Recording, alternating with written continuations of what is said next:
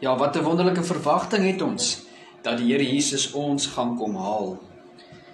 Ons skriflesing dan vanaand is uit Matteus 24 vers 1 tot 8. Dis waar ons gaan saam lees en terwyl u soontoe blaai, gaan ek net vir ons 'n gebed doen.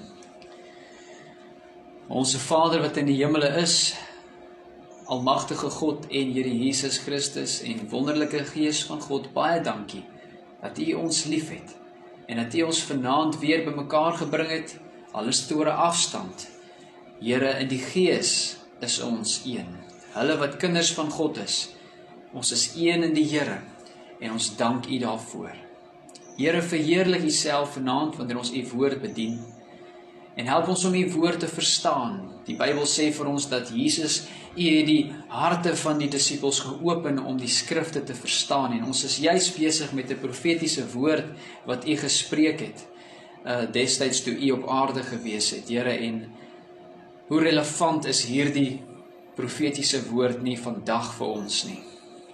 So ek bid ek bid Here Jesus dat U by elkeen van ons sal stil staan vanaand. Ons harte sal verkoop, ons harte sal sterk vir die week wat voorlê en dat U vir ons 'n rustigheid en 'n kalmte in ons gemoedere gee. Ons sal help om af te skakel van alles wat in die wêreld om ons aan die gang is en ons harte te fokus op die Here se wêreld, die koninkryk van God, daar waar ons eintlik 'n realiteit in is. Dankie Here dat U vir ons goed is. Verheerlik U self en ons bid dit in Jesus se wonderlike en heilige naam. Amen. Ek lees vir ons Matteus 24 vers 1 tot 8. En Jesus het uitgegaan en van die en van die tempel vertrek en sy disippels het nader gekom om hom die geboue van die tempel te wys. En Jesus sê vir hulle: "Sien julle al hierdie dinge? Voorwaar ek sê vir julle daar sal hier sekerlik nie een klip op die ander gelaat word wat nie afgebreek sal word nie. En toe hy op die olyfberg gaan sit het, kom die disippels alleen na hom en sê: "Vertel ons, wanneer sal hierdie dinge wees? En wat is die teken van u koms en van die volëinding van die wêreld?" En Jesus antwoord en sê vir hulle: "Pas op dat niemand julle mislei nie, want baie sal onder my naam kom en sê ek is die Christus." en hulle sal baie mense mislei. En julle sal hoor van oorloë en gerugte van oorloë. Pas op, moenie verskrik word nie, want alles moet plaasvind. Maar dit is nie die einde nie, want die een nasie sal teen die ander opstaan en die een koninkryk teen die ander en daar sal hongersnode wees en pestsiektes en aardbewings op verskillende plekke. Maar al hierdie dinge is 'n begin van die smarte. Ons lees net tot sover uit die wonderlike woord van die Here en ek wil graag die aandag vanaand rig op daardie teks in vers 7 wat vir ons sê hongersnode, pestsiektes en aardbewings op verskillende plekke. Asook wil ek die aandag rig op die vers net voor dit, vers 6. Daar staan baie gedagtes oor oorloë. So met die gedagte van vers 6 en 7 oorloë, hongersnoode, pestsiektes en aardbewings op verskillende plekke, wil ek graag met u vanaand praat oor die tema, die teken van aller as ja, die teken van 'n onstuimige wêreld, ekskuus, die teken van 'n onstuimige en onstabiele wêreld. Nou, soos wat u weet, het ons laasweek begin met die uh, met die eindtyd boodskappe. Die vraag is gevra, waar staan ons ten opsigte van die einde? Van alles en van die koms van Jesus. En ons het gesê dat Matteus 24 kan opgedeel word in 3 dele. Die begin van die smarte, dit kan opgedeel word volgende in die groot verdrukking en dan in die koms van Jesus. En toe het ek vir u gesê dat ons begin dan nou om die begin van die smarte te hanteer. So wanneer ons vers uh, uh 4 tot 8 lees, dan kan ons sien dat die smarte begin En ons het dan gesê dat ons het 'n subreeks waarmee ons dan begin en dit is die tekens van die begin van die smarte. En daarom het ons laasweek die eerste teken begin hanteer van die smarte en dit is dit was die valse Christusse. Maar vanaand praat ek met u oor die teken van 'n onstuimige en onstabiele wêreld. Nou, 'n fisiese gebeurtenis wat dien as 'n sein van iets wat aan die kom is, is 'n teken. Nou dis ook 'n merker wat gebruik word om plek te hou in 'n boek. Dit is soos dit in Matteus 24 hanteer Jesus die tekens wat vooraf sy kom sal sigbaar wees, wat dan vir ons die sein sal wees dat die dag en die uur van sy koms naby is. Nie dat dit al is nie, maar dat dit naby is. Ek dink aan Paulus wat geskryf het aan die gemeente van Tessalonika waar hulle ook gedink het toe hulle in vervolging was, maar die koms van die Here of die dag van die Here is op hande en Paulus het vir hulle geskryf en gesê nee, stop, daar's sekere dinge wat eers moet gebeur alhoewel dit naby is, is dit nog nie op hande nie. Ja, hierdie tekens wys vir ons dat die dag en die uur van Jesus se koms naby is en die Here het dit hanteer want die disippels het dit gevra. Nou, wanneer ek sê in die tema dat dit is 'n onstabiele en onstuimige wêreld, dan bedoel ek die wêreld soos ons hom sien met al sy mense, sy stelsels, met die natuur, ehm um, en al die dinge wat in die wêreld is, soos die ekonomie wat onstabiel begin word. En dit is tans ernstig onstabiel. Dit beteken wankelrig op die punt om in mekaar te sak, om te val. En dit kan ook verwys na iets wat werklik al in mekaar getuimel het en hoeveel dinge is daar nie in ons tyd en dag wat so onstabiel en onwank en wankelbaar was wat in mekaar getuimel het as gevolg van die dinge wat in ons wêreld gebeur nie. Matteus 24 vers 6 tot 7 As ons dit lees dan kry ons duidelik hierdie idee dat daar 'n geweldige onstuimigheid en onstabiliteit in die wêreld sal wees. Daarom het ek daardie woorde uitgehaal oorloë, hongersnode, pessiektes, aardbewings, dis asof niks in orde is nie. Dit lyk asof dit net uitmekaar uitval. Dinge is nie rustig nie. En dinge sal ook nie rustig wees as ons die profeseë van ons Here Jesus Christus reg verstaan nie. En u en ek het nodig om te weet wat die tekens is van die naderende tyd van die einde van alles en die koms van Jesus, want dit merk 'n dag uit waar die kinders van God weggeneem sal word na hulle ewige woning toe in die hemel, maar waar die goddelose agter sal bly en geoordeel sal word in die groot verdrukking. En dis daar, dis daarom veral al die mense te waarsku en aan te kondig. Dis daarom aan te kondig en te waarsku vir die kinders van die Here, leef reg en gereed. Dis daarom aan te kondig en te waarsku vir die mense wat nie glo nie, wie uh, kom reg met die Here, leef reg want daar is 'n dag op pad wat geweldig sal wees. Dalk wonder u maar waarom gebeur al hierdie dinge? U het na die wêreld al gesit en kyk van laas jaar af of dalk voor dit en u sit vandag en sê, "Maar waarom gebeur hierdie dinge? Waarom is die lande in onrus? Waarom is daar 'n geveg teen Israel die hele tyd? Waarom is daar opstande in die wêreld? En waarom neem dit so toe?" Jy is dalk te neergedruk oor die impak wat dit op u het, u gesin en familie se lewe. Nou, ek wil vanaand vir u die slegte nuus, maar ook die goeie nuus gee. Die slegte nuus is dat die onstabiliteite in die wêreld gaan nie verbeter nie. En as dit verbeter, is dit net oënskynlik dit gaan erger word. Wat u ook in hierdie boodskap sal hoor. Maar die goeie nuus is dat in hierdie boodskap sal u bewus gemaak word dat al is die tyd so min dat Jesus weer gaan terugkom en al is die tyd so min dan is daar steeds 'n bietjie tyd om u lewe met die Here dan reg te maak. En hierdie bietjie hoop wat ons vind in die bietjie tyd kan soveel groter word en gesien word as ons dink aan wie die een is wat daardie uh, hoop 'n uh, werklikheid kan maak vanaand nog as u lewe nog nie reg is met die Here Jesus nie. Nou ons gaan dan kyk na die teken van 'n onstabiele en onstuimige wêreld met die fokus op oorloë. Vanaf vers 6 tot 7 praat Jesus hoofsaaklik oor oorloë. Daardie woordjie kom 'n paar keer daarvoor en vanuit Jesus se lering aan die disippels leer ons nie net dat oorloë hierdie onstuimigheid, onstuimigheid en onstabiliteit van die wêreld sal kenmerk nie, maar ook leer ons 'n bietjie meer van hierdie oorloë waarvan Jesus praat. Nou ja. Die teken van 'n onstabiele en 'n onstuimige wêreld is dat oorloë sal van gehoor word. Die Jesus sê daarso en julle sal hoor van oorloë. Daar in vers 6. Vanuit die disippels se oogpunt sou hulle nog gehoor het daarvan. Hierdie teken het vir hulle dan in die toekoms gelê. En die Here en hierdie woord hoor beteken dat hulle sou stemme hoor dat daar oorloop plaasvind. Hulle sou gehoor het van die verslae of die nuus dat daar 'n oorlog is, dat daar gevegterye is.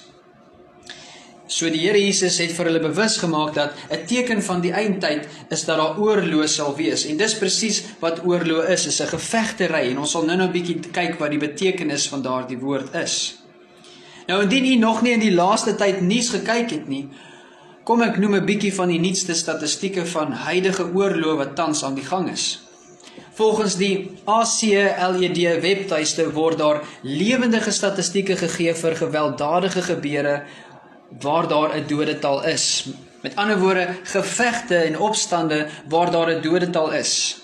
Vir die tydperk van die afgelope maand het politieke geweld gestyg met 5.3% en die sterftes wat daarmee gepaard gaan met 49.3%. Die totale gewelddadige gebeure is vir die afgelope maand 7680 gebeure maar dit is 97300 gebeure reg oor die hele wêreld. Dis net vir die afgelope maand waar daar gebeure aangeteken is, gevegte waar mense dood gegaan het. Uit hierdie 7680 gebeure die laaste maand is 2638 gevegte tussen twee gewapende partye. Nie noodwendig tussen nasies en koninkryke nie. Hoe sê hulle? Domestic. Dis binne. 1155 gebeure is betogings soos opstande. En en weer eens hierdie gebeure is gebeure wat erg genoeg was dat mense se lewens geneem was. Nou, dis nie net oorloë wat ons verwag in hierdie tyd as 'n teken nie, maar Lukas 21 vers 9 uh, skets vir ons 'n bietjie meer lig oor hierdie saak. En hy sê en wanneer jy hoor van oorlode, oorloë en opstande. So die Here Jesus het ook gesê dat opstande sal betrokke wees, nie net oorloë nie, daar's 'n verskil.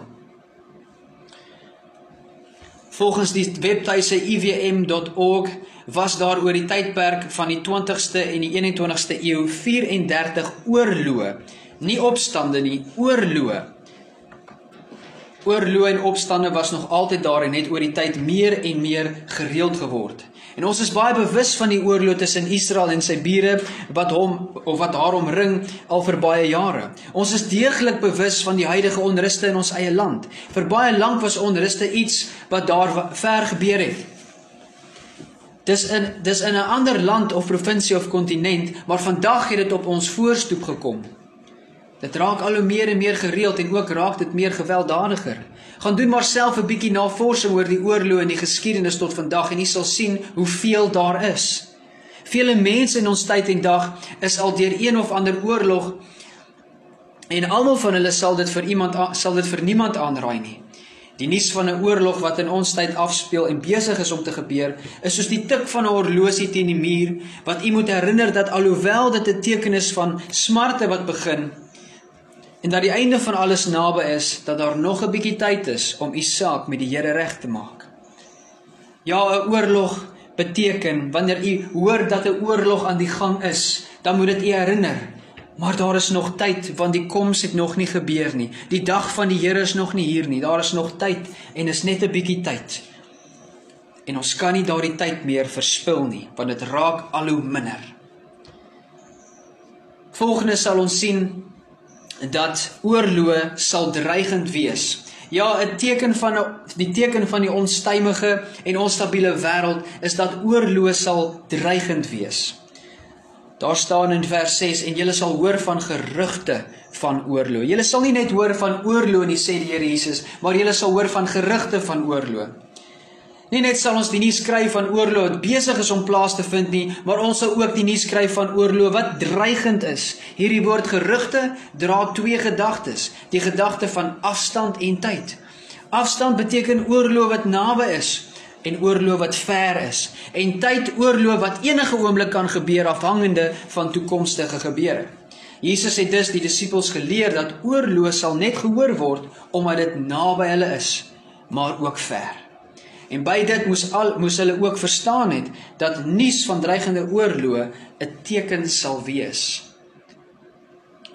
Net om so 'n bietjie perspektief te gee op dreigende oorloë. Hier in Suid-Afrika alleen oor die afgelope 4 of oor die afgelope week, ekskuus, is daar 4 berigte wat ek kon opspoor. Die die Daily Maverick het 'n opskrif wat sê a race war looms. In ander woorde, daar's 'n dreigende oorlog. iNews het 'n opskrif wat sê fears of race wars. Ons huidige omstandighede hoor ons nog van sekere gerugte dat aanvalle nog nie klaar is nie. Nou of dit nou klaar is of nie, dit is wel 'n gerug, dis iets wat dreig. En oor die jare heen die oorlog wat dreig tussen verskillende rasse. In ander plekke van die wêreld, soos die New York Post, skryf hulle daar opskrif Major Gang War in Bronx leaving teens dead in streets. Die Wall Street Journal skryf If war comes, will the US Navy be prepared? 'n Dreigement van oorlog. So hoor ons oor die nuusberigte dreigende van die oorlog. Hierdie oorlog dreig nie net op ons kontinent en ander kontinente nie, maar daar is selfs baie dreigings van 'n derde wêreldoorlog. En dit kom al so ver terug, terug soos van die 1951s af. Hoor hierdie uh, hoor hierdie aanhaling, ekskuus. CBS war correspondent Bill Downs wrote in 1951 that To my mind, the answer is yes, Korea is the beginning of World War 3. Toe al het hulle 'n dreigende derde wêreldoorlog in die oë gestaar. Die Republic World skryf World War 3 warning. Russia Russia's Putin threatens to bomb UK ship in crouching Crimean waters. Weereens 'n wêreldoorlog. Daar is nie net dreigemente van 'n uh, dom domestiese oorlog nie, maar ook kontinentaal en ook wêreldwyd. Sulke dreigemente het die natuurlike reaksie om afwagtings en angs op te wek by ons. Maar in plaas daarvoor daarvan om in die angs van dreigende oorlog te verval en voorbereiding te doen vir vir so iets, moet u veel eerder voorbereiding tref vir u geestelike lewe. Gestel daar breek werklike oorlog uit, Waar staan u met God?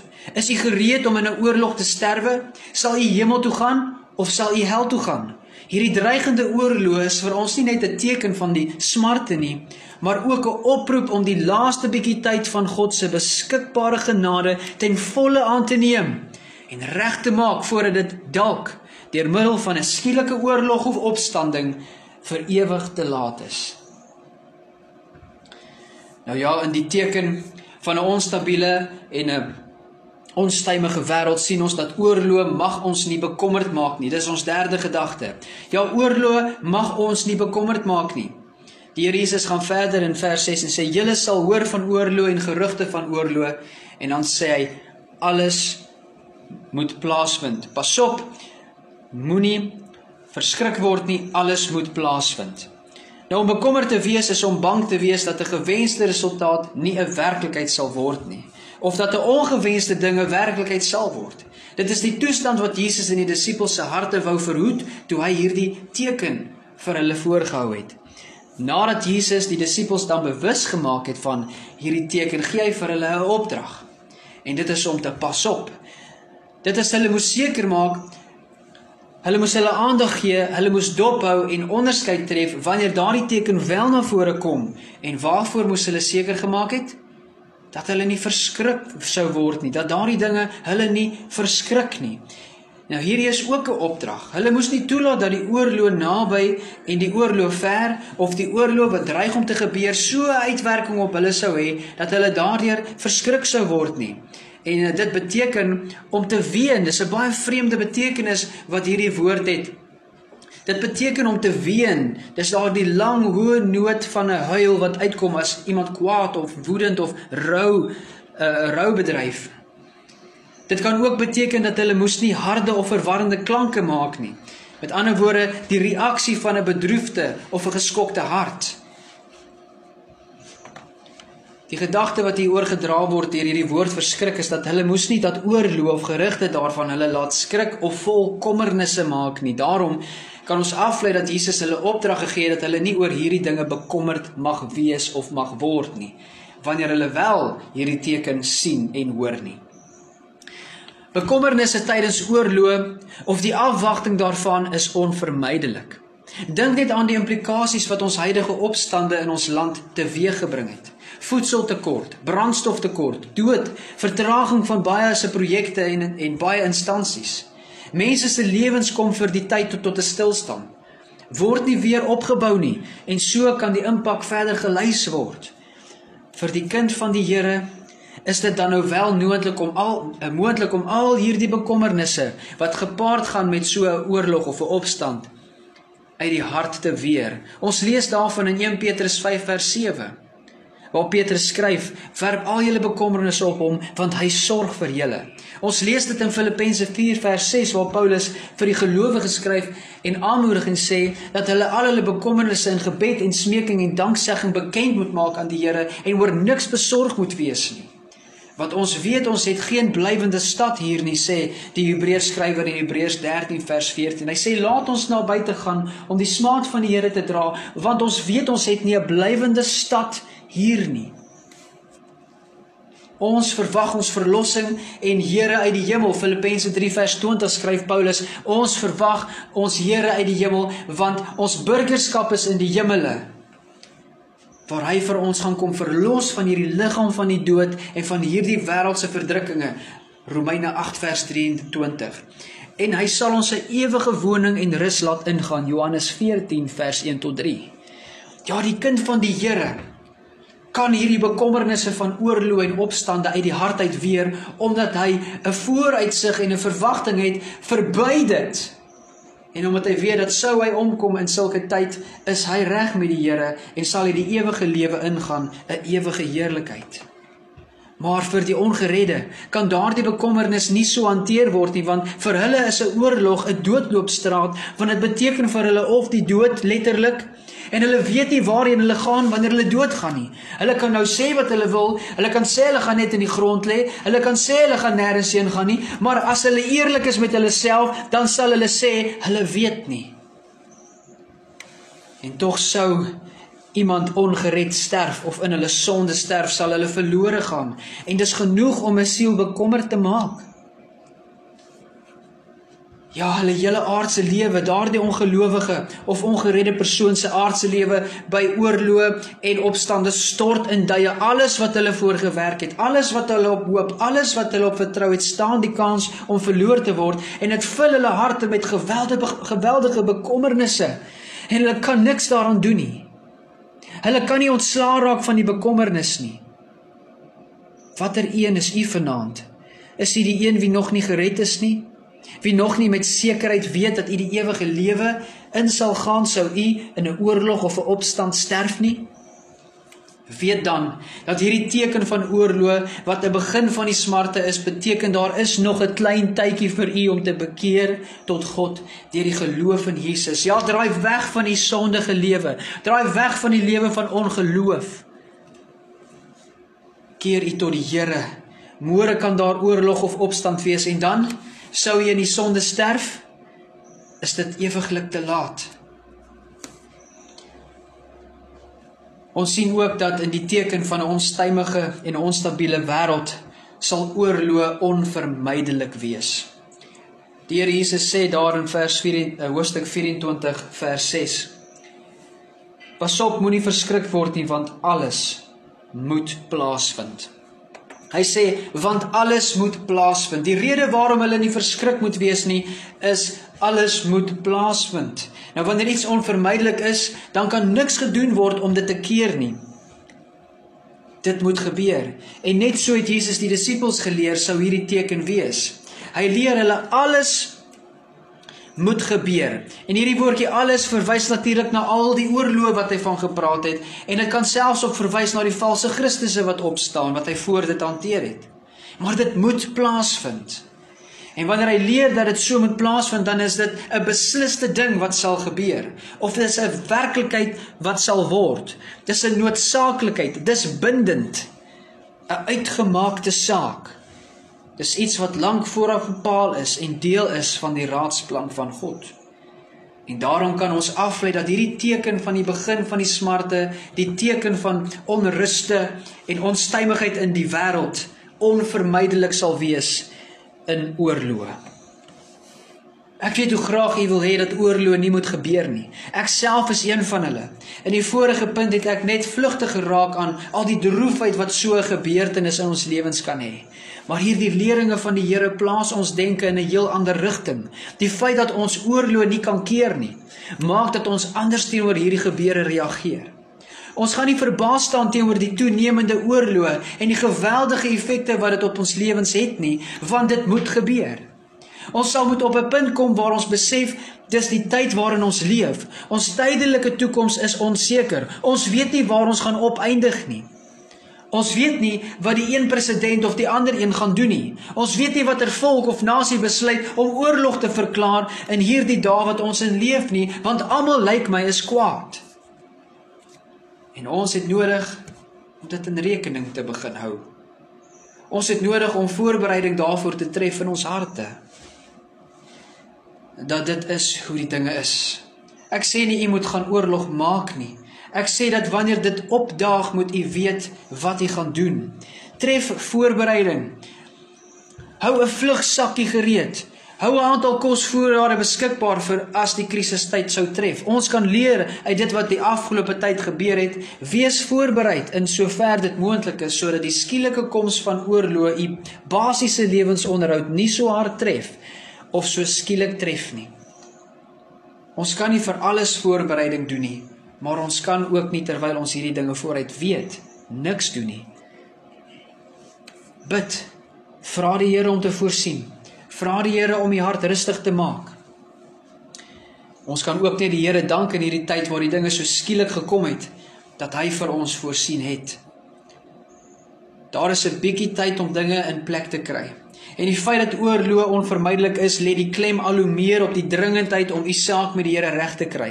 As oorlog en opstande sekerlik gaan wees, kan u weet u gaan sekerlik eendag dalk in 'n oorlog gekonfronteer word met die dood. En weer eens kom die vraag onder hierdie nuwe gedagte: Is u gereed om te sterwe? Waar gaan u opeindig?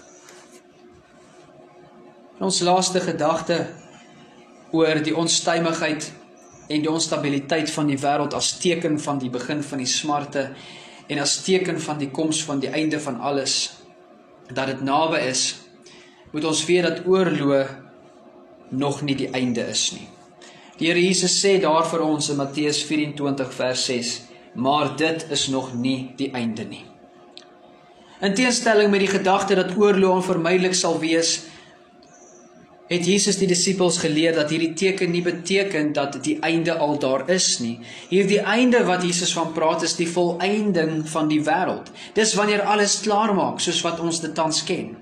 Jesus leer dus die disippels dat die teken van oorlog moet nie gesien word of beskou word of verstaan word as die einde van alles, as die einde van die wêreld nie. Nou alhoewel oorlog 'n element van finaliteit saamdra, moet u dit nie verwar met die einde nie. 'n Oorlog dra daardie gedagte van die einde want dit ontwrig alles en dit bring wel baie dinge tot 'n stilstand of 'n einde, maar dit op sigself is nie die einde van alles nie. Wat tans in ons land gebeur het is nie die einde van alles nie en ook nie die einde van oorloë in hierdie wêreld nie. As skenk ons Here Jesus ons rus en stilte, iewers gaan oorloë nog voort. Die enigste oorlog wat hierdie wêreld 'n finaliteit sal laat ingaan is die een net voor die 1000 jaar jarige vrederyk. Die oorlog wat deur Jesus self gevoer sal word by sy wederkoms teen die anti-kris en sy volgelinge. Ons lees daarvan in Openbaring 19 vers 19 tot 21. En ek het die diere en die konings van die aarde en hulle leers versamel gesien om oorlog te voer teen hom wat op die perd sit en teen sy leers. Hom wat op die perd sit is Jesus. En die dier is gevange geneem en saam met hom die valse profeet wat die tekens in sy teenwoordigheid gedoen het, waarmee hy hulle verlei het wat die merk van die dier ontvang en sy beeld aanbid het. Lewend is die twee in die gewerp in die vuurpoel met die swaal wat brand.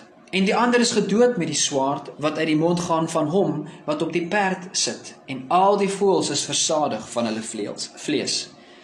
Moet jy nie weer dink as jy hierdie verse nou gehoor het dat enige oorlog wat voor hierdie oorlog gebeur, 'n oorlog is wat die volëinding van die wêreld is nie. En weet jy, Na die 1000-jarige vrederyk breek daar nog 'n oorlog uit. In Openbaring 20 vers 7. En wanneer die 1000 jaar volëindig is, sal die Satan uit sy gevangenis ontbind word. En hy sal uitgaan om die nasies te verlei wat in die vier hoeke van die aarde is, die Gog en die Magog, om hulle te versamel vir die oorlog, en hulle getal is soos die sand van die see. En hulle het opgekom oor die breedte van die aarde en die laar van die heiliges en die geliefde stad omsingel en vuur het van God uit die hemel neergedaal en hulle en hulle verslind. En die duiwel wat hulle verlei het is in die poel van die vuur en die swavel gewerp. Ehm um, waar die dier en die valse profeet is en hulle sal dag en nag gepeinig word tot in alle ewigheid.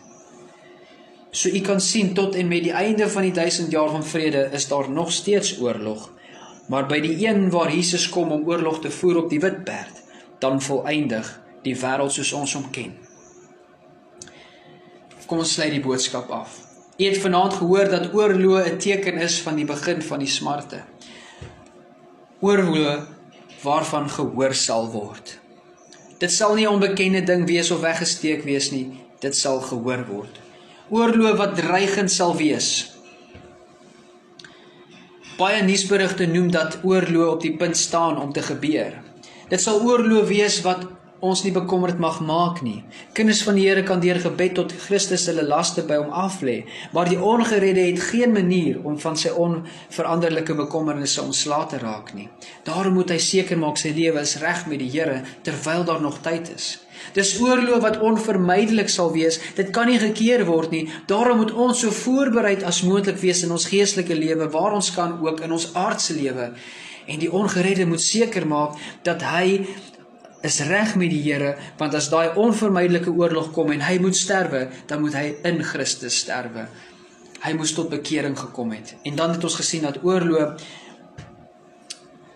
is nie 'n merker van die einde van alles nie maar wel die oorlog by Jesus se wederkoms sal dit wees. Jy moet deur hierdie bietjie statistieke en die aktualiteit van die woord van Jesus vanaand besef dat die smarte het al begin, want die oorlog vermeerder en is sekerlik aanwesig in ons tyd en dag. Jy moet hier hier by die min hier by die min tyd wat oor is, seker maak dat u lewe reg is met God. Maak seker jy is gered, skoon gewas deur die bloed van Jesus, vergewe, weergebore. En u besef dalk vanaand dat sou u in 'n oorlog kom en u die dood in die oë staar en nie seker is of u hemel toe sal gaan of nie. Wil u dan nie vanaand uitroep tot God en u geloof in Jesus sy enige gebore seun plaas om u te red uit die sonde uit, om u 'n nuwe lewe te gee nie.